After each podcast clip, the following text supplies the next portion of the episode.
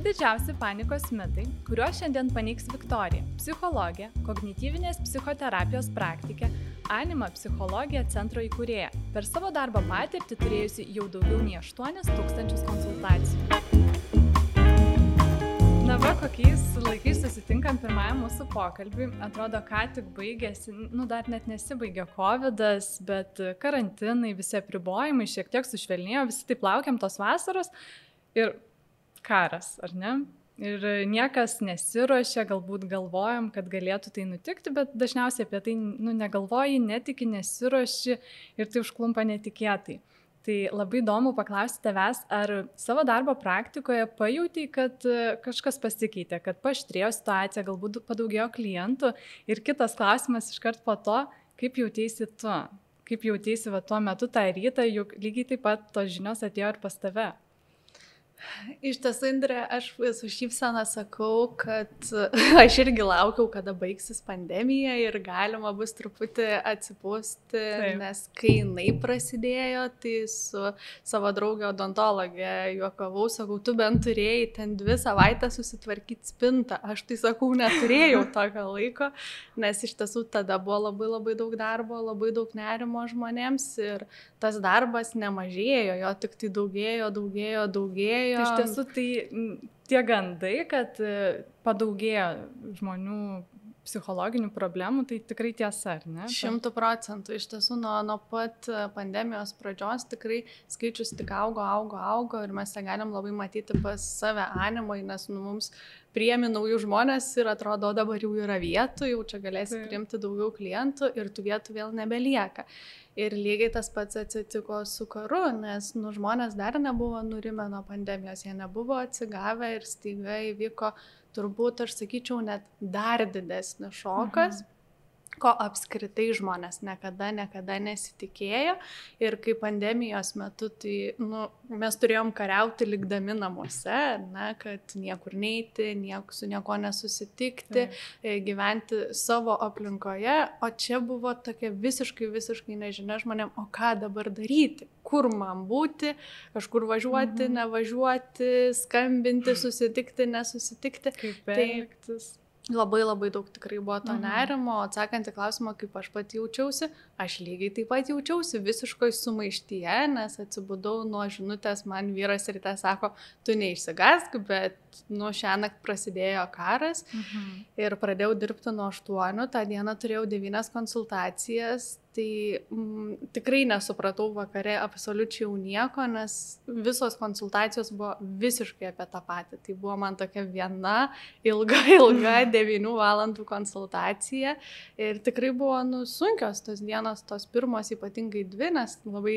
gerai atsimenu, kad tai buvo ketvirtadienis, penktadienis, tai visiškai darbingos dienos, tai. o tada savaitgalį mes daug turėjom su komanda iš tiesų pokalbių, nes mhm. nu, ir mūsų pačių ta būsena buvo ganėtinai sunki reikėjo reikėjo susistabilizuoti tai ir kitiem padėti. Kažkaip ruošėtės tą savaitgalį, tarkim, susidėliojot, nu, vienas kitą galbūt mm. pakonsultavot, ar ne? Tikrai taip, mes e, daug kalbėjomės tarpusavyje, dėliojomės, kaip mes čia jaučiamės, dėliojomės planus, ką galim daryti, mm. tada ir gimė iniciatyva, kad padėti tiem žmonėm, kurie yra tenai, tai nu tos keturios dienos tai buvo tikrai labai labai intensyvas. O uh, iniciatyva būtent padėti esantiems Ukrainai? Uh, Ukrainos mhm. žmonėms, jo, tai mes e, įsteigėm tokią savanorystės liniją, kur žmonės prisijungia mhm. ir, ir mūsų kolegos prisijungia, kurie gali teikti tą pagalbą ir iki pačiol dar vis rašo žmonės, kurie dažniau gal Taip. jau dabar, kurie atvykę į Lietuvą yra, tai mes mhm. tą pagalbą suteikiam.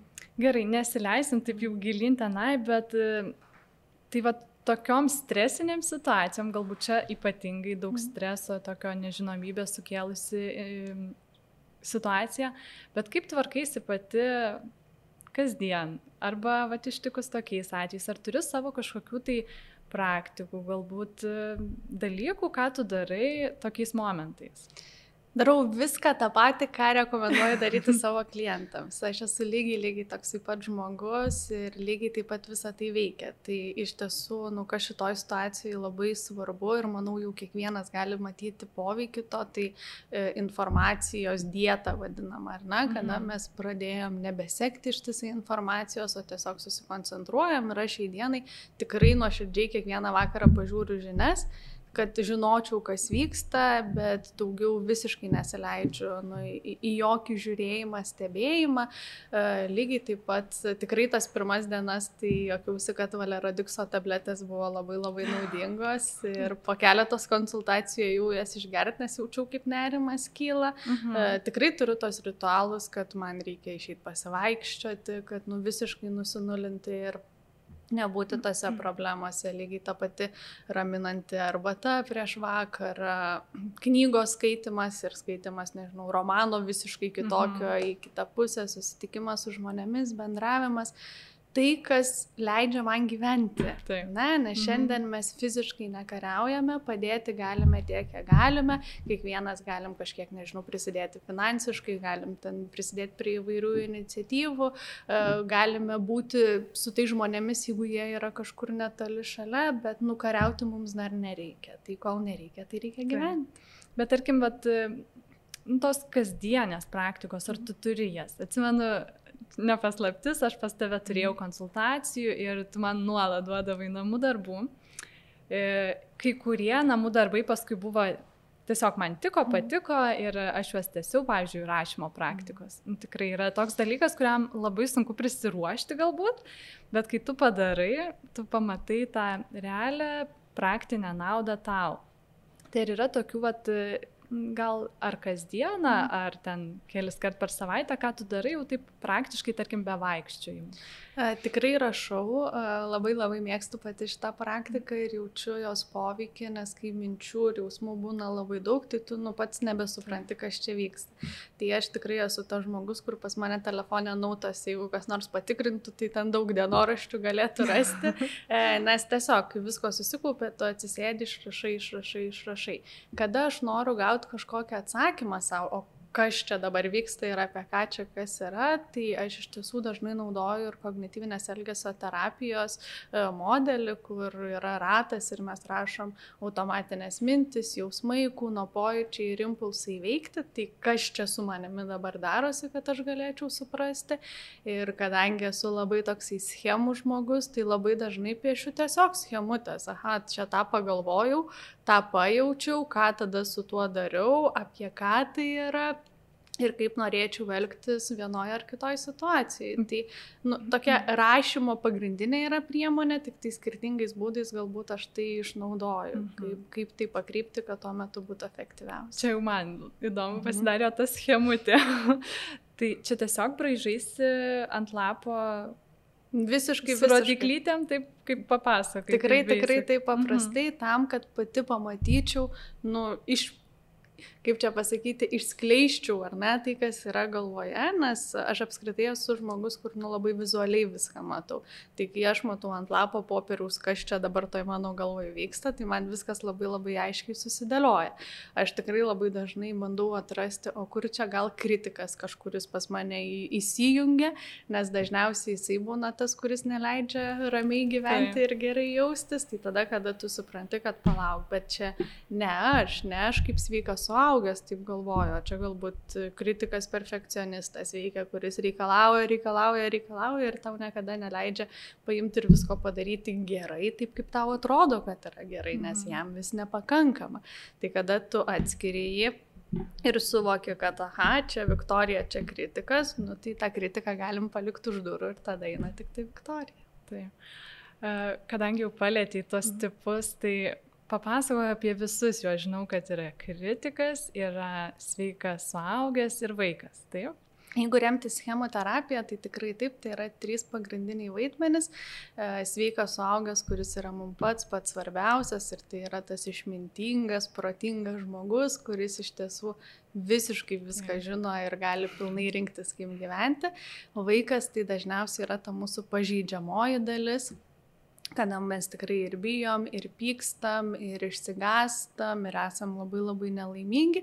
Ir yra ta kritiko dalis, kuri iš esmės, jeigu sveiko suaugusio nėra tokio sveiko, jinai labai labai stipriai veikia vidinį vaiką, dėl to jisai ir tampa tokiu pažeistu, ar ne? Nes nu, kritikas ištisai kritikuoja, jo tokia paskirtis yra kritikuoti, kritikuoti, kritikuoti ir kad ir ką tu be padarytum, vis tiek bus negerai.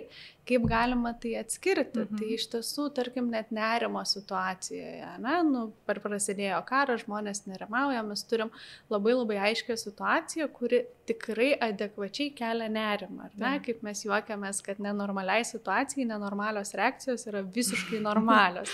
tai šitoje vietoje suaugęs žmogus, kuris nerimavo, jisai mhm. gal tenai pradėjo verkti, ar skambinti savo artimiesiems, ar ieškoti ten bilietų, kur išvykti, ar ten Taip. dar kažką daryti, ar ne, tai viskas su tuo yra tvarkoj.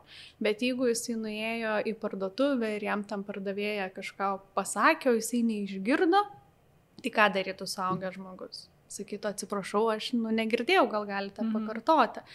Bet jeigu tai būtų ar ne įsijungtų vidinis vaikas, šalia kurio gal ir atsistotų kritikas, tai vaikas išsigasta, jisai nežino, ką mhm. dabar daryti, nes jisai negirdėjo, dabar jam yra žiūriai nesmagu ir jisai gal norėtų palikti visas prekes mhm. ir bėgti iš tos parduotuvės.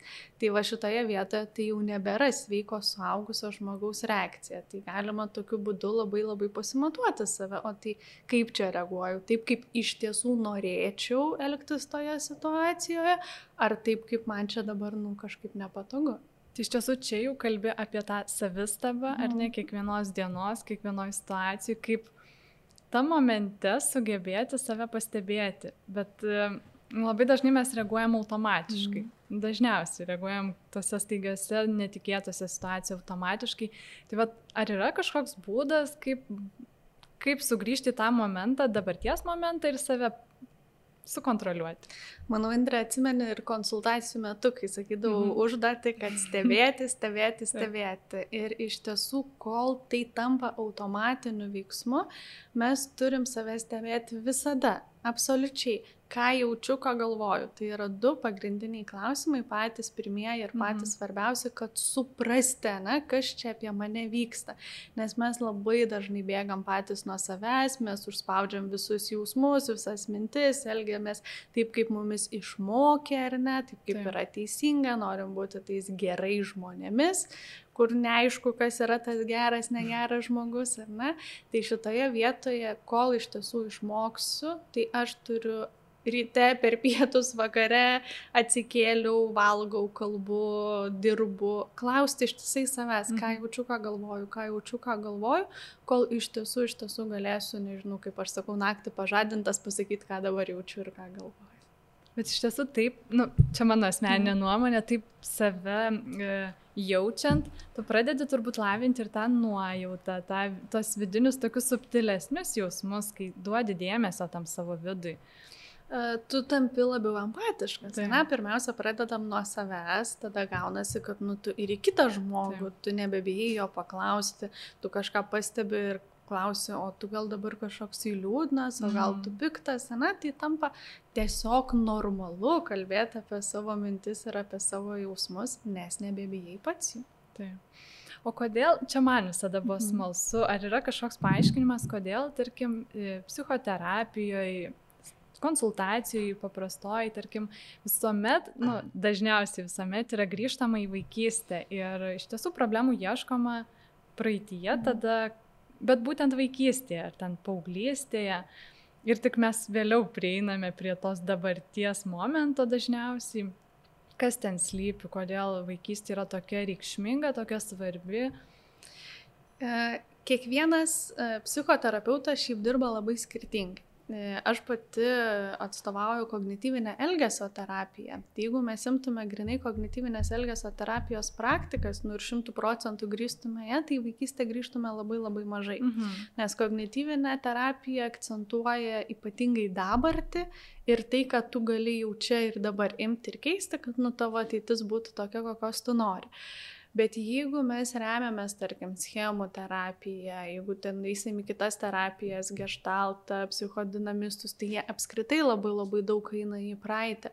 E, bet aš pati tai iš tiesų labai labai domiuosi schemų terapija ir man tai yra labai įdomu ir kodėl mano nuomonė tai yra svarbu ir ta vaikystė. Nes viskas iš tenai ateina, ar ne? Mm. Nu, labai daug dalykų formuojasi. Kai mes gimstame, tai mes ateinam į pasaulį, kurio visiškai nepažįstam, ne? Mes nieko čia nežinom, nesuprantam, kas kaip yra. Ir kas pirmiausia mus moko? Moko tėvai, ne? Kuo jie tiki, kokios yra jų vertybės, kokie yra jų įsivaizdavimai, tai jie taip su mumis ir elgesi, visą tai mums perdoda, ne? Toliau taip. mes einam į pasaulį, nežinau, susitinkam dar su kitais giminaičiais, susitinkam su draugais, nueinam į darželį, auklėtojos, ne, draugai darželio, mokykla, vis daugiau sutinkam tų žmonių, ateityje ten, nežinau, stojam į universitetus, keliaujam tam po pasaulio, na ir tų žmonių vis daugėja ir daugėja. Ir mes, būdami tas baltas popieriaus lapas, mm. nu, iš kažkur tai renkamės informaciją. Nėra taip, kad mes gimėm, mums įrašyta, aš dabar mąstysiu taip, mano vertybės bus tokios. Kai kurie dalykai, kuriuos mes gauname, mums yra palankus ir geri. Tačiau kai kurie dalykai mums nu, neleidžia, ar ne, gyventi taip, kaip mes norime, e, jaustis taip, kaip norime, mūsų požiūris yra mums nepalankus. E, e, ta pati knyga ištrūk iš spastų, jinai ir kalba apie tai, ar ne, mhm. kad nu, va, yra tokie įsitikinimai, kurie tau neleidžia jaustis gerai. Tai jeigu neleidžia jaustis gerai, nu, tai reikia kažkaip tai išspręsti. Tai mano nuomonė, kad jeigu mes sutvarkysim stogą ir jį tikrai uždėsim auksinį, auksinį, fantastišką, gražų, bet jeigu tie pamatai bus netvarkingi, nu tai tas stogas vis tiek įkris. Tai dėl to ta vaikystė ir yra svarbi. Taip, mes jos negalim pakeisti, ar ne, mes negalim ištrinti jokių įvykių, bet mes galim suprasti, kas įvyko, mes galim atverti jausmus, kurie labai dažnai būna užspausti Ir žmonės nuo jų tiesiog bėga, kai sako, aš neatsimenu, ne? Mhm. Tai jeigu neatsimenu, vadinasi, man kažkur labai labai skaudėjo. Tai mūsų tikslas yra suprasti, atrasti, paleisti ir kartais netgi perkurti. Mes turim tam tikras praktikas, kurių pagalba galim perkurti prisiminimą, kad sukurti naują jausmą jam į jį kitaip pažiūrėti, mhm. iš jo mhm. gauti kitokią naudą ir toliau galim apsispręsti, tai ką noriu tęsti, o ko nenoriu. O jeigu aš nežinau tos vaikystės, tai aš nežinau ne, apie save iš esmės nupilnai, kaip noriu gyventi, o kaip Taip. aš čia nenoriu, nes tiesiog gyvenu kaip gyvenu. Mhm.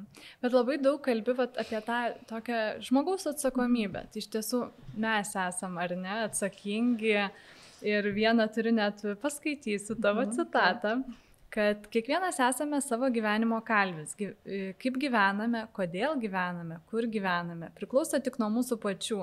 Tai kodėl negyventi taip, kaip norime?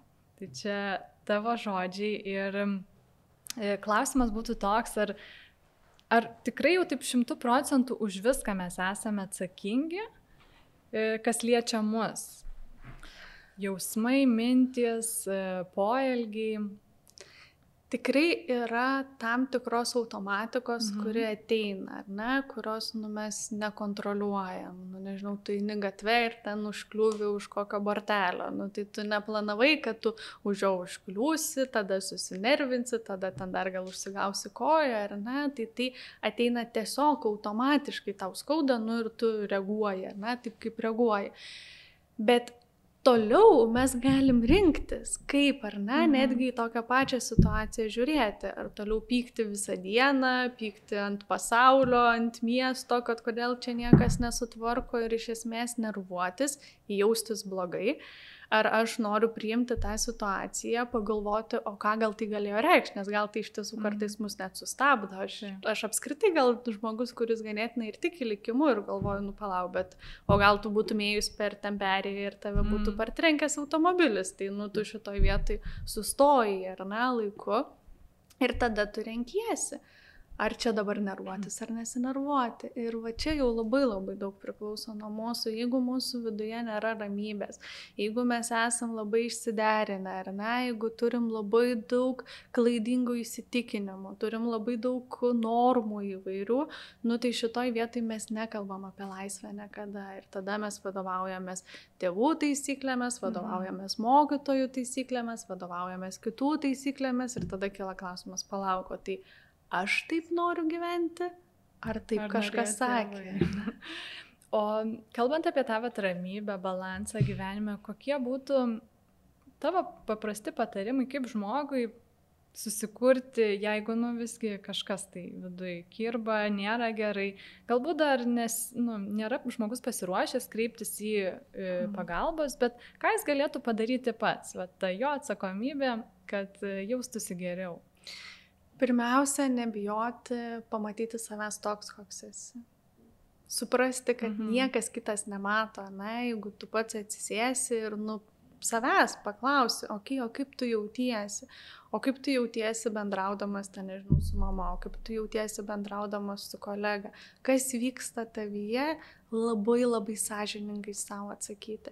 Aš tikrai labai daug matau ir savo praktikoje, kai jau ateina klientai, ne, kurie iš esmės yra numotivuoti, jie nori suprasti, jie lygiai taip pat dar labai dažnai bėga nuo savęs.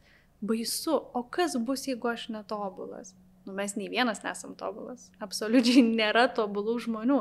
Visi turi kažkokius savo pliusus, kažkokius savo minususus, ne? kažkokios savybės mums padeda, kažkokios mums trukdo. Nu, mes esam tiesiog, va, va tokie, ne, tokie sukurti pasaulio žmonės ir tada, kada tu pradedi save priimti kaip ir tobulą, ir netobulą, kada pradedi save pamatyti, koks tu esi iš tiesų, tada tu gali pradėti spręsti, ar noriu tokiu būti, ar aš nenoriu tokiu būti. Ir tai iš tiesų yra nuganėtinai paprasta, jeigu mes leistume savo tikrai, tikrai nuoširdžiai pagalvoti apie save. Mhm. O toliau yra daug būdų, tikrai nebūtina eiti į terapiją. Šiai dienai yra be galo daug, nežinau, podcastų įvairių, ar ne, kuriuos galima klausyti laidų, seminarų, webinarų, knygų, daugybę dalykų, mhm. kuriuos tu gali tiesiog gauti nemokamai ir, ir save pildyti. Tik tai vėlgi tam nu, reikia noro, ne, aš galiu važiuoti automobilyje ir, nežinau, važiuoti tyloje, galiu klausyti muzikos arba galiu pasileisti kažkokią laidą ir gal ir 10 minučių paklausyti, bet gal iš tos 10 minučių mhm. gausiu savo naudos. Taip. O kalbant apie knygas, kokios būtų tavo tos labiausiai rekomenduotinos, tarkim, jeigu žmogus susiduria su psichologinė problemom, galbūt panika, nerimas ir nu, kitų kitos problemos. Tai viena būtų, o kita tiesiog, vat, jeigu jisai neturi ryškių kažkokių požymių viduje, ne, nesijaučia taip jau blogai, bet, nu, vat, užbėgti įvykiams už akių. Labai sunku ir... atsakyti, nes knygų yra be galo, Taip. be galo daug, ar ne? Ir vėlgi žmogus turi nurasti, kas jam tinkama. Mano tokia favoritinė knyga tai tikrai yra ištrūk iš mhm. pastų, kur Pritariu. mano draugai visi yra apdovanoti šitą knygą. Ir e, tikrai manau, kad kiekvienas, nu, turėtų ją paimti ir perskaityti bet kuriam gyvenimo etape. Mhm. O toliau labai labai daug yra, vėlgi, ka, į ką mes labiau orientuojamės. Tikrai galima gilintis į vidinį vaiką ir, ir yra knyga, netgi man atrodo, taip ir vadinasi vidinis vaikas. Jeigu mes simsim, kad žmogus yra labiau jautrus, ar ne, va, tarkim, nerimas, panikos atakos ir jisai labiau reaguoja ir kartais atrodo, kad, nu, bet kitas taip nereaguoja, o aš taip reaguoju. Tai yra knyga itin jautrus asmuo, jeigu aš teisingai pamenu mhm. konkrečiai pavadinimą, Tai tikrai labai labai vertinga paskaityti vien tam, kad pasitikrinti, o gal aš esu tas itin jautrus asmuo ir papuolu į tą 20 procentų pasaulio žmonių ir aš net negaliu reaguoti kitaip, ne, aš galiu žiūrėti visus, kurie ten labai aiškiai susidėlioja, jie to savo jausmus irgi stalčiukus susideda, mm. o mhm. man taip neišeina. Tai tada, kada aš vėlgi apie save daugiau žinau ir geriau suprantu, tai vėlgi man pasidaro lengviau. Gal ką dabar pati skaitau, tai skaitau knygą Pasirinkimas ir man iš tiesų labai patinka, nes tai yra apie e, holokausto laikus, apie vėlgi tą nu, panašią galbūt situaciją, su kokia ir dabar mes visi susidurėme ir apie tai, kad žmogus pilnai gali rinktis, kaip jisai nori ką žiūrėti, nepaisant to, kad situacijų mes negalim pakeisti. Taip. Net iš, jeigu neklistu, nes mokyklai skaitėm Dievų mišką. Mhm. Ir iš tiesų ten autoris juk dalinosi mintim, kad e, nors ir kalėjime, mhm. ar ne, koncentracijos stovyklai, bet nu, tuo metu laisvas rinktis savo mintis toj vietoj. Tai, nu, aišku, čia negali lyginti, negali net kalbėti apie labai sudėtingas situacijas, bet vis tiek kažkur mes galim rinktis ir turėti tą savo asmeninę laisvę, ar ne? Visiškai su to sutinku ir netgi tos pačios, va, ką paminėjai iš tokios klasikos knygų, atsimenu, kai mokykloje reikėjo skaityti, atrodavo, kad nu ir kam čia tos tokios yeah. knygos. e, bet e, atsigręžus atgal, tai iš tiesų jos visos buvo su labai labai daug tokių aiškių pamokymų ir šiai dienai jas skaitant, kaip sakau, su kitų protų turbūt galima būtų gauti iš jų dar daugiau naudos. Taip. Na, tai prieikim prie mitų, man atrodo. Ir vienas jų, kad panikos sutrikimas tai yra kažkokia tai tarsi nepagydoma lyga, būsena. Ir tikrai yra daug informacijos, kad žmonės kenčia nuo jos dešimtmečiais ir nesusitvarko. Tai ar tai tiesa, ar melas? Uh, tikrai nepagydomas, nes panikos, panikos atakas, jeigu apskritai žmogui prasidėjo panikos ataka, tai jisai turės ją visą gyvenimą, na, nes nu jau išsiprovokavo organizmas, e, bet kada žmogus kreipiasi, tai visą laiką sakau, kad mūsų yra tikslas padaryti, kad ta panikos ataka pasikartotų po kokiu 80 metų, kai jau tai bus nebereikšminga. e, tai tikrai yra tikslas nu ją kuo labiau nutolinti. Kodėl mes sakom, kad e, gali dar jinai tau pasikartoti, labai labai sąmoningai tą darom, kad žmogus neišsigastų. Na, nes jeigu tau jinai vėl atsitiktų ir jeigu tau kažkas sakė, kad viskas, tugi čia susitvarkiai, viskas tau tau yra gerai ir staiga tai įvyko, nu tai išgastis yra dar didesnis. Tai neišgydoma, bet pilnai galima tai sutvarkyti ir nutolinti taip, kad nu, nebebūtų tai reikšminga. Mhm. O kalbant apie tave pačią, žinau, dalinaisi, kad irgi turėjai mhm. sesijas. Mhm. Ir labai įdomi buvo ta detalė, kad tau net dešimties sesijų prireikė, kad atsivertum pati. Mhm. E, ar gali pasidalinti truputėlį? Uh, tikrai taip, aš labai jokingai rinkausi savo terapeutą, tai truko metus laiko, nes dabar žiūrėjau, ko nepažįstu, nes noriu eiti, kad žmogus manęs nežinotų. Uh, tada rinkausi, kas čia yra dabar profesionalu, tada rinkausi iš terapijos krypčių, tai kas čia dabar man tiktų ir patiktų, uh, o galiausiai tai rinkausi iš nuotraukos, o tai kas čia man dabar gražu ar negražu. Bet visa tai buvo turbūt nunerimas ir baime. Iš tiesų buvo baisu, mano galbūt buvo įsitikinimas tas, kad, nu, bet tai ašgi kolegė ir dabar su kolega kalbėsiu ir kaip aš čia pasirodysiu mhm. kažkokia silpna, tai va tas kritikas, perfekcionistas labai stipriai pas mane veikia e, ir jau pradėjus eiti terapiją, aš tikrai labai tikrinau pirmiausia savo terapeutę, kiek jinai čia profesionali, neprofesionali, tai čia jau tokia profesinė lyga buvo, bet visa tai vėlgi buvo apie tai, kad man buvo labai labai sunku atsiverti. Aš šiaip gal ganėtinai esu uždaras žmogus ir e, nežinau, ar, ar profesija gal tą duoda, kad aš daugiau tampu tuo klausytoju, o mažiau kalbėtoju, bet turbūt iš, ir iš prigimties esu tokia. Mhm. Ir ta baime būti netobulu, jinai pas mane lygiai taip pat buvo. Ir iš to kildavo visas nerimas, reikalavimai savo, negalėjimas gyventi taip, kaip aš noriu, negalėjimas daryti to, ko aš noriu, nes aš netgi bijojau uh, būti, kaip aš sakau, nežinau, savo įsivaizdavime sėkminga, būti gera, mhm. nes nutarsi tarsi bloga būti baisu, šimtų procentų nenoriu, dėl to viską darau, kad nebūčiau, bet lygiai taip pat kažkuriam etapė man pasidarė būti baisu pasidarė būti ir ta gera, o, o kas tada, nes čia tarsi toks, nu, nepažįstamas mhm. pasaulis. Tai tikrai, tikrai buvo sudėtinga, bet labai džiaugiuosi, kad tą kelią ėjau, dar visai nu, tik tai jau einu tokiais didesniais tarpais, e, bet man tai davė labai labai daug. Vien to, kad aš po truputėlį, po truputėlį vėriausi ir leidau papasakoti apie tai, kas man atrodė gal kažkur gėdinga, gal kažkaip netaip ir buvau tiesiog priimta tokia kokias.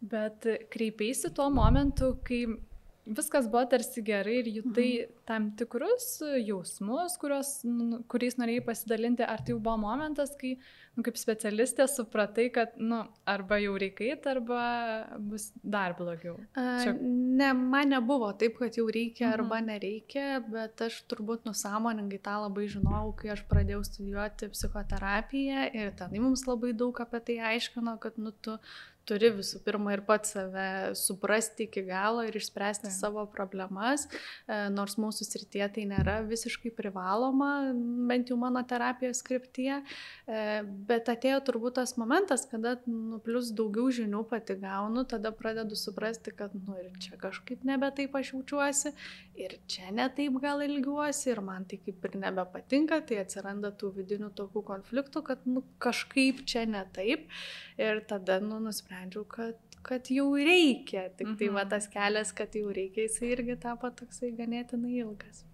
Kodėl klaus, nes iš mhm. savo asmenės patirties, nu, aš kreipiausi jau tada, mhm. kai nu, buvo labai blogai. Tai kažkaip norisi paskatinti kitus žmonės, nu, kad nereikia laukti to sunkiausio momento, kada jau nebežinai nei ką daryti, nei kaip daryti, bet kaip, tarkim, žmogui atrasti, nu, kaip paprastam gyvenime, toj rutinoj suprasti, bet tą pirminį galbūt e, momentą, na, kad jau kažkas negerai. Ir ar tai knygos, ar podcastai, ar galbūt e, konsultacijos, bet jau reikėtų sunerimti ir atkreipti save dėmesį.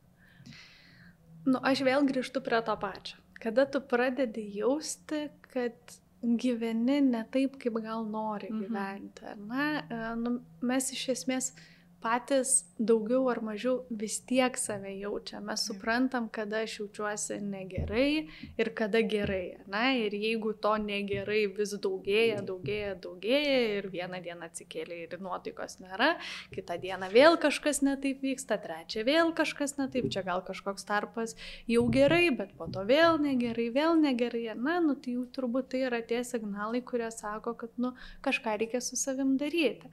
Apskritai turbūt būna tokie e, patys tobuliausi klientai, kurie ateina ir sako, nu žinai, atėjo laikas, turiu tam galimybės ir aš dabar noriu jau pradėti geriau save suprasti ir tą gyvenimo kokybę patobulinti. Taip. Tai nebūna žmogui pačiam taip sunku, nes terapija tikrai nėra lengvas kelias, mes tikrai einam per tos tokius sunkius atsiminimus, skaudžius kažkokius įvykius, ar ne, kurie nu žmogui yra skaudus, tai toks žmogus jisai jau būna tiesiog tam nusiteikęs ir jau šiandien jam nėra taip sunku ir jisai gali labai labai adekvačiai eiti ir spręsti savo problemas. Jeigu mes ateinam jau su problema, kur šiandien man yra sunku, tai pirmiausia mes turim susitvarkyti su dabartimi patirtimi, ne, ir mes tikrai dar negalim lysti kažkokią gilesnę terapiją, mhm. nes žmogui jau yra sunku ir būna tikrai vis dažniau, ką aš matau tokių situacijų, kad reikalingas yra šalia mums psichi psichiatras, kuris padėtų šiek tiek medikamentais net elementariame dalyke nemiga. Jeigu žmogus atėjo ir man sako, aš mėnesį laiko esu miegojęs po keletą valandų per parą, tai mes apie jokį, na, adekvatų pokalbį apie sąmoningą pagalbą savo negalim net kalbėti. Ir pirmiausia, reikia leisti žmogui bent jau keletą parų normaliai išsimiegoti, o tada galim pradėti dirbti. Tai kuo mes ilgiau tempiam, tuo tos problemos tik tai gilėja. Mhm. Na ir grįžtant prie mitų apie paniką, vienas jų yra, kad e, jeigu žmogus patiria paniką darbe, parduotuviai, nežinau, kieme, dar kažkur, kad reikia tų vietų vengti. Mhm. Ar čia tiesa? E, tikrai, tikrai netiesa, tai yra žmonių baime kalbanti. Ar ne, jisai jeigu patyrė paniką parduotuvėje, jisai neturi vengti, visiškai priešingai jisai turi eiti ir kurti naują istoriją tenai, kad smegenis suprastų, mhm. kad parduotuvė tai nėra lygų panika, ne? nes kada mes labai stipriai įsigastam, tai mes iš tiesų taip galvojam. Ir aš tikrai esu turėjus skaičius ir daug tokių klientų, kur tam tikra vieta asocijuojasi su panika. Ir kaip pavyzdys, jeigu tai bus restoranas, tai tas žmogus gali atsisakyti visų susitikimų su draugais, ne, su artimaisiais, jisai gali sugalvoti daugybę priežasčių, kodėl jisai negali susitikti. Mhm. O tai yra vien dėl to, kad tai bus, nu, va, tarkim, restoranas ir nebūtinai netgi tas restoranas, kuriame jam ištiko panika, ar ne, bet tiesiog taip asocijuojasi. Tai e, tikrai tikslas yra eiti į tas vietas ir kuo daugiau į jas eiti. Ne su baime, o su noru pažiūrėti, ar tikrai čia ta vieta, ar ne, man kelia tą paniką, mhm. o gal tai yra visai kiti dalykai. Ar to, tokie, va, tarkim, išėjimai į tas vietas, kurios tau kelia kažkokius nemalonius jausmus, ar tai to pačiu didintų, augintų pasitikėjimą savimi žmogui? Manau, kad taip, tu visų pirma eini nugalėti savo baimės, ne? Mhm. Tai jeigu tu eini jau nugalėti savo baimės, nu, tai vadinasi, turi pakankamai drąsos ir stiprybės tą daryti. Visas absoliučiai baimės galim nugalėti tik jas eidami nėra kito metodo, kai ateina klientai ir sako, aš noriu nebijoti. Man viena klientė sakė, bet aš tai tau ir mokėjau pinigus, kad tu padarytum, kad aš nebijočiau, o ne kad mes eitume į tas situacijas ir aš juose dar labiau bijočiau, ne? Bet, nu, kito metodo mes neturime psichoterapeutas, psichologas duoda tau e, meškerę, ne, o ne mhm. duoda žuvį jau, kuri pagal, pagauta. Tikrai, tikrai. tikrai. Mhm. Apskritai, kalbant apie pasitikėjimą savimi žmogui, e, kaip tu manai, kiek tai yra svarbu, kiek tai turi įtakos psichologiniai būsenai, arba tas toks e, bėgimas, e, nebandymas auginti to vidinio pasitikėjimo, kiek tai turėtų įtakos nu, negatyviai mūsų psichologiniai būsenai? Labai daug, kuo tu ar ne daugiau nu, jauti tokių baimių, ne, ir kuo tau daugiau susideda. Nu, galim paimti net tas pačias panikos atakas. Josgi gali atsitikti bet kur, ne, ir nu, nėra nustatytos vietos, kad va, tu ten būsi tame restorane, ar toj parduotuvėje, ar ten, nežinau, tame kambaryje ir va čia ištiks tau panikos ataka. Tai jeigu tos panikos atakos kartojasi, vieną kartą restorane, kitą kartą parduotuvėje, kitą kartą, nežinau, svetainiai namų, ir mes išsigastam, tai kas įvyksta, mes tik tai apribojam save ir tokie žmonės tada nebeina į restoranus, nebeina į parduotuvės, gali būti, kad jie net nebegali būti savo namų kažkuriam, kažkurioje erdvėje, nes tenai jaučiasi blogai. E, labai dažnai atsitinka taip, kad žmonės neskraido lėktuvais, nevažinėja automobiliais, ar ne, e, vien dėl to, kad, nu, va, ta vieta asocijuojasi su kažkokia bloga būsena. Tai apie kokybišką ar ne gyvenimą mes nebegalime kalbėti, nes jisai tiesiog siaurėja, siaurėja, siaurėja ir vieną dieną tau lieka nu, tavo stalas ir tavo lova, kurioje tu tik tai gali būti, o daugiau niekur negali išeiti. Trečias mitas, kurį norėčiau su tavimi aptarti, tai yra panikos sutrikimas dažniausiai prasideda iš niekur. Mm. Kad tiesiog staiga ir niekas tam neturėjo įtakos. Ar tai tiesa ar ne? Labai dažnai žmonės taip galvoja, kad atsiranda iš niekur ir tam yra priežastis, nes, nu, taip atrodo, kad ypatingai dažnai apskritai panikos ataka gali prasidėti tokioje ramybės būsenoje, kuomet, nu, žmogus sako, bet taigi nieko neatsitiko, aš tenai, nežinau, ramiai e, pietavau ir va man taip nutiko. E, bet apskritai niekada nebus iš niekur. Na, jeigu aš būsiu ramus, jeigu iš tiesų nugyvensiu savo tą kokybišką gyvenimą, jeigu manyje nebus daug įtampos, tai panikos ataka neturi net pagrindo atsirasti. Mhm. Tai šitoje vietoje tada reikia gręžtis atgal ir žiūrėti, palauk, kas vyko toliau, nes čia būna toksai dažnai lėtinis nerimas, ne, kuris taip lietai, ramiai tavyje gyvena, gyvena, gyvena, nu ir vieną dieną nebetelpa ir jisai prasiveržia.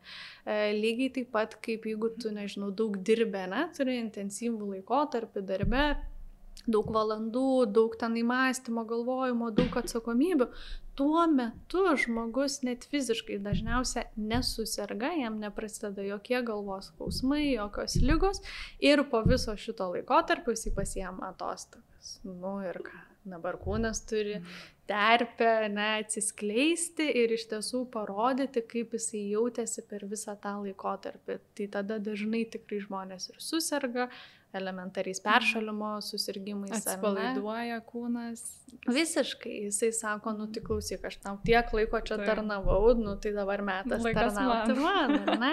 Tai va lygiai, lygiai taip pat veikia ir panikos atakos. Jos tiesiog prasiveržia, nes, nu, jau, jau organizmas nebegali pakelti tos įtampos. Nu, vienas svarbiausių turbūt dalykų gyvenime - surasti asmeninį balansą tau pačiam darbo, poilsio, laisvalaikio tą režimą ir tikrai jo laikytis.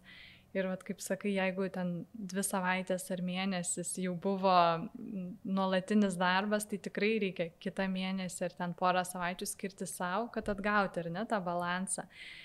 Ir skaičiau tavo socialiniai erdvėje, kad pernai metai tau buvo sunkesni, kad kaip tu rašiai, balansavimas ties galimybių riba. Mm pasidalink, ar čia ir buvo tas momentas, kai darbas ir poilsis tau susimaišė, nežinojai kaip atskirti ir nesusibalansavai. Tikrai, tikrai taip. Buvo režimo praktiškai nebuvimas normalaus režimo, o iš kur tai kilo vėlgi iš to, nu, pas mane labai ryškus yra perfekcionistas reikalautojas, būtent šita kritiko rušis kadangi tai buvo laikotarpis, kada labai daug daugėjo darbo, tada reikėjo ir plėsti komandą ir tada tu nori su visais turėti tenai gerą kontaktą, gerą santyki, tada nori padaryti, kad žmonėm nebūtų eilių ir jie nelauktų, nes man tai yra labai labai baisu. E, ir šitoje vietoje tu bandai plėšytis į visas puses ir aš lygiai taip pat dar pradėjau jausti, kad mano sveikata nebepaveža. Aš nebegaliu dirbti po 12 valandų, negaliu dirbti 14 valandų valandų, nes aš savaitgaliais tiesiog gulėdavau. Mano savaitgalis būdavo toksai ant sofos, kur aš atsigulu ir nieko negaliu daryti. Aš nenoriu su niekuo susitikti, aš nenoriu su niekuo bendrauti, nes man tai jau būdavo dar bendravimas. Mhm. Ir aš netgi taip sakydavau, ten, kad ir mano šeima, aš labai gerą santykį su jais turiu ir ten skambina, gal susitinkam, gal kažkur ten nuvykiam kažką. Ir aš galvoju, kodėl jie dar skambina, ko, ko jiems dar iš manęs reikia. Tai jau tai buvo, nu, va, ta riba, kur supratau, kad mm, nebegerai ir tas režimas tikrai turi keistis. E, vėlgi tada pradėjau ieškoti nu, ir savo tokių priemonių, nes su ribom man tikrai labai sunku ir su klientų prieimimu man vis atrodo, kad, nu, o gal dar galėčiau, nu, gal čia kažkur įterpčiau.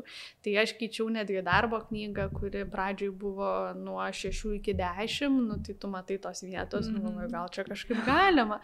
Tada ėmiau knygą nuo 8 iki 8, šiai dienai mano knyga yra nuo 8 iki 8, bet apačia yra užbraukta ir tai reiškia, kad nuo 8 iki 6 ir ten apačiai nebegalima nieko rašyti. Taip. Tai tiesiog nu, labai ieškau tokių išorinių dalykų, kurie man irgi gali padėti. Ir tikrai jaučiu visiškai, visiškai kitą kokybę, kada tu esi pats palsėjęs, kada tu gali netgi daug daugiau padaryti. Nuo šių metų sausio mėnesio aš nebekonsultuoju pirmadieniais. Tai man čia buvo didžiulis, didžiulis iššūkis ir mano terapeutė labai ilgai laukė, kol, kaip sakė, teisiu į protą. Tai man tai atrodo labai baisu ir kaip čia dabar tai bus, bet dabar net nenoriu pagalvoti, kad galėčiau nu, dar tą dieną užpildyti konsultacijom. Tai tas stebėjimas savęs tas pirmadienis, dėl to mes turim ir tave šiandieną. Tikrai, tikrai, pirmadienį. tikrai taip. O kalbant apie va, tą balansą, tai tiesiog dar paprastai žinau iš mokslinių straipsnių, kad mm. ir um, sportas tikrai turi įtakos, mytyba. Ar ne, mm. subalansuota žmogui tiesiog pagal kiekvieną. Mm. Nėra čia kažkokių standartų vegetarai ar mėsėdžiai, bet kad pačiam žmogui būtų gerai, ar ne? O alternatyvios priemonės tu už, prieš maisto papildai. Mhm. Um, nežinau, aš esu pati asmeniškai išbandžiusi BD aliejų ir radau tikrai tuo metu, kai buvo sunkesni periodai, man jisai padėjo, aišku, tai nėra gal kiekvieną dieną naudojama priemonė, bet vis tiek ilgesnį laiką. Ar dar kažkokių tokių alternatyvių dalykų yra? Tikrai esu labai už visus papildus, žinoma, protingai Taip. ir konsultacijose, jeigu žmogus jau ateina, nu, tarkim, mes įtarinėjom tokią depresinę labiau būseną, ne, Tai aš apskritai labai dažnai siunčiu žmogų pirmiausia pasidaryti kraujo tyrimus, mhm. kad mes turim pasižiūrėti e, D vitaminą, geležį, B grupę ar ne, kas, kas vyksta mhm. su šita vieta. Nes jeigu mes paimsim D vitamino trūkumą, geležies trūkumą, nu, tai iš kur tas žmogus gali turėti tai. energijos ir noro kažką įti ir daryti. Tai tikrai reikia šių fiziologinius dalykus visą laiką mhm. susižiūrėti ir kartais užtenka elementariai pagerinti ar ne vitaminų vitaminus, papildyti save ir nu, ta emocinė būsena irgi lygiai taip pat pagerėja. Tai jeigu lysim giliau, tai yra vėlgi hormoninė sistema, kur hormonai labai labai daug mhm. įtakos tam turi. Ir jeigu atsiranda kažkoks hormoninis sutrikimas, tai mes galim sąmoningai labai labai daug išsianalizuoti, suprasti e, ar ne, turėti priemonės, kaip savo padėti, bet žmogus yra nepajėgus tiesiog to daryti. Jeigu mes paimsim, nežinau, hipofizės sritį, e, yra atsakinga dalis už labai labai daug veiksnių ir šitoje vietoje, jeigu tu fiziškai nebegali, nu, tai emociškai tu irgi taip pat nebegalėsi. Toliau ar ne visos raminančios priemonės. Aš tikrai esu už tą patį valerijono ar ne šaknį, kurios yra labai daug pavydalų. E, tai yra pakankamai nekaltas dalykas, ne, kuris tikrai nu, neturi tiek šalutinių veiksnių, Taip. bet jisai gali padėti. Toliau mes galim kalbėti apie įvairias raminančias, arba tas vienas dalykas, mes turim ritualą, kada iš tiesų leidžiu savo ramiai atsisėsti, išgerti neskubant arbatą, jau tai veikia. Taip. Ir lygiai taip pat yra nu, tam tikri žolių ar ne mišinys, kuris nu, irgi turi savo poveikį. Tai visos priemonės, kurios padeda, yra geros. Taip. Na ir kitas mitas būtų, kad e, aplinkiniams žmonėms, artimiesiems e, nereikėtų kalbėti apie paniką su tuo žmogum, kuris ją patiria, kad nu, tai turėtų būti tarsi neliečiama tema. Čia taip pat kaip, kadangi man teko nemažai dirbti su onkologiniais pacientais, e, tai pas juos yra labai ta tokia riba tarp artimųjų ir paciento, ar ne, kad nu, artimajam labai kaip ir nepatogu klausti, kažką sakyti, atliepti, o sergančiam žmogui labai nepatogu apkrauti tą artimąjį. Mhm. Ir va čia turim tokią prarąją, kur abu jaučiasi labai nepatogiai, ar ne, nes ta lyga yra tarsi tokia tokia mistika. E, viskas yra tvarko, jeigu žmogus pats aiškiai pasako, kad aš nenoriu apie tai kalbėti, ar ne, man yra geriau tos temos neliesti, mes pilnai galime atliepti jo poreikį. Bet bandyti perskaityti mintis ir suprasti, kad jisai nenori, na, mm mes 99 procentais turbūt nepataikysim, nes jisai nori ir mes galėtume mm. turėti tiesiog atvirą pokalbį. Tai lygiai taip pat yra apie panikos atakas. Dažniausiai žmonės nekalba dėl to, kad jie patys bijo. Jiems neaišku, jiems nepatogu, mes dargi turim visus įsitikinimus, kad tai yra gėdinga, na, čia kažkas su tavimi yra mm. negerai, jeigu tu taip pat ir, nu tai ir mes tada neliečiam. Ir kas vyksta, mes vėl kaip žmonės tolstam, tolstam, tolstam, nes tų temų, kuriomis negalim kalbėti kalbėti, jų pasidaro labai daug ir galiausiai gali nebelikti iš vis temų, kuriomis galime kalbėti. Iš tiesų, iš savo gal patirties pasakysiu, mm, man pačiai iš ties buvo sunku kalbėti, aš nepatyriau panikos atakų, bet, na, turėjau psichologinių tokių sunkių momentų gyvenime, bet jais dalintis pačiam yra ganėtin, tuo metu yra labai sunku. Toks atrodo, aš, aš nežinau, ar ir truputį gėda, ir atrodo ir tavęs nesupras, bet kai praeini, Na, tada pasidaro lengviau, jau atrodo tavo patirtis, tu ją laisvai gali dalintis ir tai nu, nėra kažkas tokio ir dar kaip tik savo tą patirtimi galbūt padėsi kitam, galbūt ir jisai turi kažkokių problemų ir jisai norės pasidalinti ar gal patarsi ir žmogus kreipsis į specialistą. Tai tikrai uh, tau pritariu ir iš kur tai ateina, tada, kada tu priemi save ir tobulą ir netobulą, ne? kada tu išsilaisvini pats iš savo kažkokių tais įsitikinimų, normų, ne? kas normalu, nenormalu, tau pasidaro tiesiog lengva. Tu gali ateiti ir paklausti, tu gali ateiti ir pasakyti. Jeigu to žmogus nenorės klausyti, jisai neklausys. Jeigu jisai norės reaguoti taip, kaip nori reaguoti, jisai taip ir reaguos, kaip jisai nori. Na, jeigu jisai sakys, kad, žinai, aš nenoriu tą temą kalbėtis, jisai irgi turi pilną teisę tai pasakyti, bet tai galės pasakyti tik žmogus, kuris irgi yra save priėmęs, ne? Nes mums labai dažnai būna, kad nepatogu, nemandagu, negražu, netinkama. Tai šitoj vietoj vėlgi reikia nu savęs paklausti, palauk, bet tai ar aš nemandagiai paklausiu, ne? Ar aš sakau, ei, tu privalai man čia pasakyti, kas čia tau darosi. Ar aš atėjau ir paklausiu, gal nori pasidalinti. Gal yra dalykų, kuriuos tu norėtum pasakyti ir apie kuriuos mes galėtume pakalbėti jauniausio kliento amžius, tavo jauniausio kliento amžius, žinau, kad yra 2 metai, o vyriausiam 94. Nu, papasako, kas tuo mažu vaiku ir jau garbaus amžiaus žmogumi, ką teko spręsti. E, dėl to dvimečio tai kreipėsi iš tiesų tėvai, tai buvo nu tokia kaip šeimos daugiau konsultacija ir uh, labai apskritai džiugu, kad, nu, galiu pasakyti, jaunos kartos tėvai jau pradeda daug daug mhm. atviriau uh, žiūrėti į visą tą emocinę sveikatą. Tai kreipimasis buvo dėl to, kad pasižiūrėti, ar vaikas gali turėti hiperaktyvumą, ar jisai negali.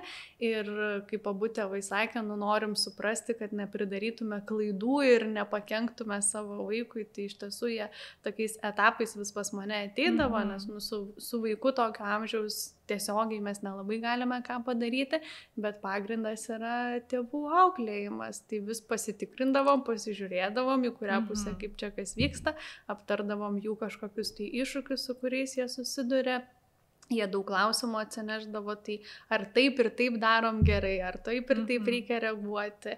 E, tai te, iš tiesų net pačių konsultacijų metu aš būdavau toks stebėtojas, kuris atkreipdavo dėmesį ir sakydavau, nu pažiūrėkit, o kaip jums atrodo, ar va dabar kaip jūs sureagavote tenai, lakstant vaikui kabinete, ar jums atrodo tinkama ar netinkama. Tai tikrai tokia uh, naudinga, manau, patirtis yra patiems tevams ir pasitikrinimas. Tam, Čia labai tokių sąmoningų tėvų mhm. praktika, ar ne? Tikrai, tikrai taip. Nu, vėlgi mhm. jie nenori kažko praleisti, kad paskui nebūtų problemų. Kad dėl tos vaikystės vėliau reikėtų spręsti kitas problemas. Tikrai taip. Tai labai o kaip džiugu. su vyresniais žmonėmis, 94 metai, irgi atrodo tokia gyvenimiška patirtis, toks ilgas gyvenimo tarpas. Mm. Tiek prikaupta visko. A, kai man žmonės sako, kad aš jau esu per senas kažką keisti, mm -hmm. tai aš jiems turiu labai daug argumentų. E, nes iš tiesų mano praktikoje yra daug vyresnių žmonių ir tai yra kalbant apie, nu paimkim, 60 metų, 65, mm -hmm. 70, 80, 94 metai, ar ne? Tai 94 e, metų moteris, jinai į mane kreipėsi tada, kada buvo pandemija, buvo pati pati pradžia. Ir netiesiogiai jinai kreipėsi, kreipėsi jos dukra, ieškodama mamai pagalbos, nes nu, buvo labai didelis nerimas, labai daug baimės, tada labai daug buvo fokuso į tos vyresnius žmonės, tai mes su ja turėjom konsultacijas tiesiog telefonu. Mhm Tai reikėjo tiesiog sudėlioti vėlgi tą patį informacijos rautą, kiek tenai klausyti, kiek neklausyti, nuimti tą nerimą, kad čia nereiškia, kad jinai dabar turi mirti dėl to, kad prasidėjo pandemija. Tai su jie dirbom ties tuo klausimu, bet apskritai man labai labai džiugu, kad vyresni žmonės nebijo eiti ir nebijo uh, leisti savo gyventi šiandien taip, kaip aš noriu gyventi, ar ne, o nebūtinai taip, kaip gyvenau visą gyvenimą. E, tikrai turiu nuostabią patirtį su viena kliente, e, su kuria dirbom turbūt du su pusę metų ir būdama jinai beveik 70, sako, aš nesuprantu, kodėl man reikėjo tiek metų gyventi su dideliu nerimu, su labai daug galvojimo, ką kiti pagalvos ir tik tai mhm. dabar aš išdrisau keisti savo gyvenimo būdą, bet jin sakė geriau dabar negu niekada. Taip. Na? Iš tiesų svarbiausia pradėti, o kiek jau praėjo laiko, visai nesvarbu, nes tas laikas tegu būna į ateitį, kokybiškas ir pilnavertiškas. Tikrai, tikrai taip. Paskutinis panikos mitas, kurį norėčiau paliesti, tai kad e, panikos sutrikimas praeis tiesiog savaime, pasikalbėjus galbūt vieną kartą su savo e, psichoterapeutu. Būtų labai gerai, jeigu vieną kartą užtektų. Ar būna tokių stebuklų? Mm, vieną kartą mano praktikoje yra buvę. Kad užteko. Kad vienos... užteko vienos konsultacijos, tačiau tai jau buvo žmogus, kuris iš esmės buvo labai daug dirbęs su savimi. Mhm. Reikėjo tik tai jam aiškaus susidėliojimo, aiškų žingsnių, ką, kaip reikia daryti toliau ir jisai pilnai galėjo eiti ir su savim dirbti. Bet, nu, jo priešistorė buvo tikrai daug, daug tų problematikų išspręstų. Apskritai apskritai turbūt neužteks, nes tu turi pirmiausia suprasti, o kodėl atsirado, ar ne, ta panikos ataka, e, kas tai provokuoja, kas vyko anksčiau ir mes visada vėlgi nersim į tą vaikystę, ar ne, nebūtinai tai yra grinai vaikystė, tai gali būti ir paauglystės periodas, ir suaugusio žmogaus, ar ne, kažkoks gyvenimo tarpsnis, kuris gal buvo jam labai labai sunkus. Bet tu turi suprasti priežastis ir va tada mes jau galim nu, išspręsti šitą problemą, ar ne, bent jau, kaip sakau, ją gerokai, gerokai nutolinti. Tai tokiems dalykams niekada neužtenka pirmos konsultacijos, nes tai yra apskritai tokia susipažinimo konsultacija. Na, kai ateina žmogus pas mane, ašgi nežinau, koksai jisai, su kokiam problemom jisai susiduria, kokios jo to pa, tos patirtis, ar ne, jisai pats dar iki galo nežino, kaip jisai jaučiasi, ar jisai gali būti atviras su manimi, ar jam tinka mūsų, ar ne, e, santykis realiai konsultacijų mm. metu. Tai yra labai labai daug tokių veiksnių, kurie tiesiog neleidžia paimti ir išspręsti tų problematikų. Tai tikrai reikia daugiau, norint tą problemą išrauti su šaknimis, o ne tik tai ten truputėlį nupudruoti, kad va dabar jam būtų geriau. Ačiū, Viktorija. Iš tiesų, gilintis į save, save tobulinti, tai tikriausiai didžiausia tokia investicija, kurią mes galim duoti savo patys ir garantuotai atneš vaisių. Tikrai, tikrai tikiu tuo ir tą galiu sakyti tiek iš savo kaip žmogaus asmeninės patirties, lygiai taip pat iš savo klientų. Iš tiesų tų konsultacijų aš jau turiu turėjus nu, labai labai nemažai, manau, ir tuo atveju mačius įvairių ir tai yra fantastinis dalykas, kai e, žmonės ir po kiek laiko parašo ir sako, žinai, tuo metu gal netgi, kai mes turėjom konsultacijas, man dar buvo sunku visą tai priimti, visų tuo patikėti, visų tuo vadovautis bet praėjo geras pusmetis ir aš Taip. dabar suprantu, kaip visą tai veikia. Tai tikrai, tikrai tai gyvenimą keičia. Viskas priklauso nuo mūsų mąstymo. Dėkui. Ačiū.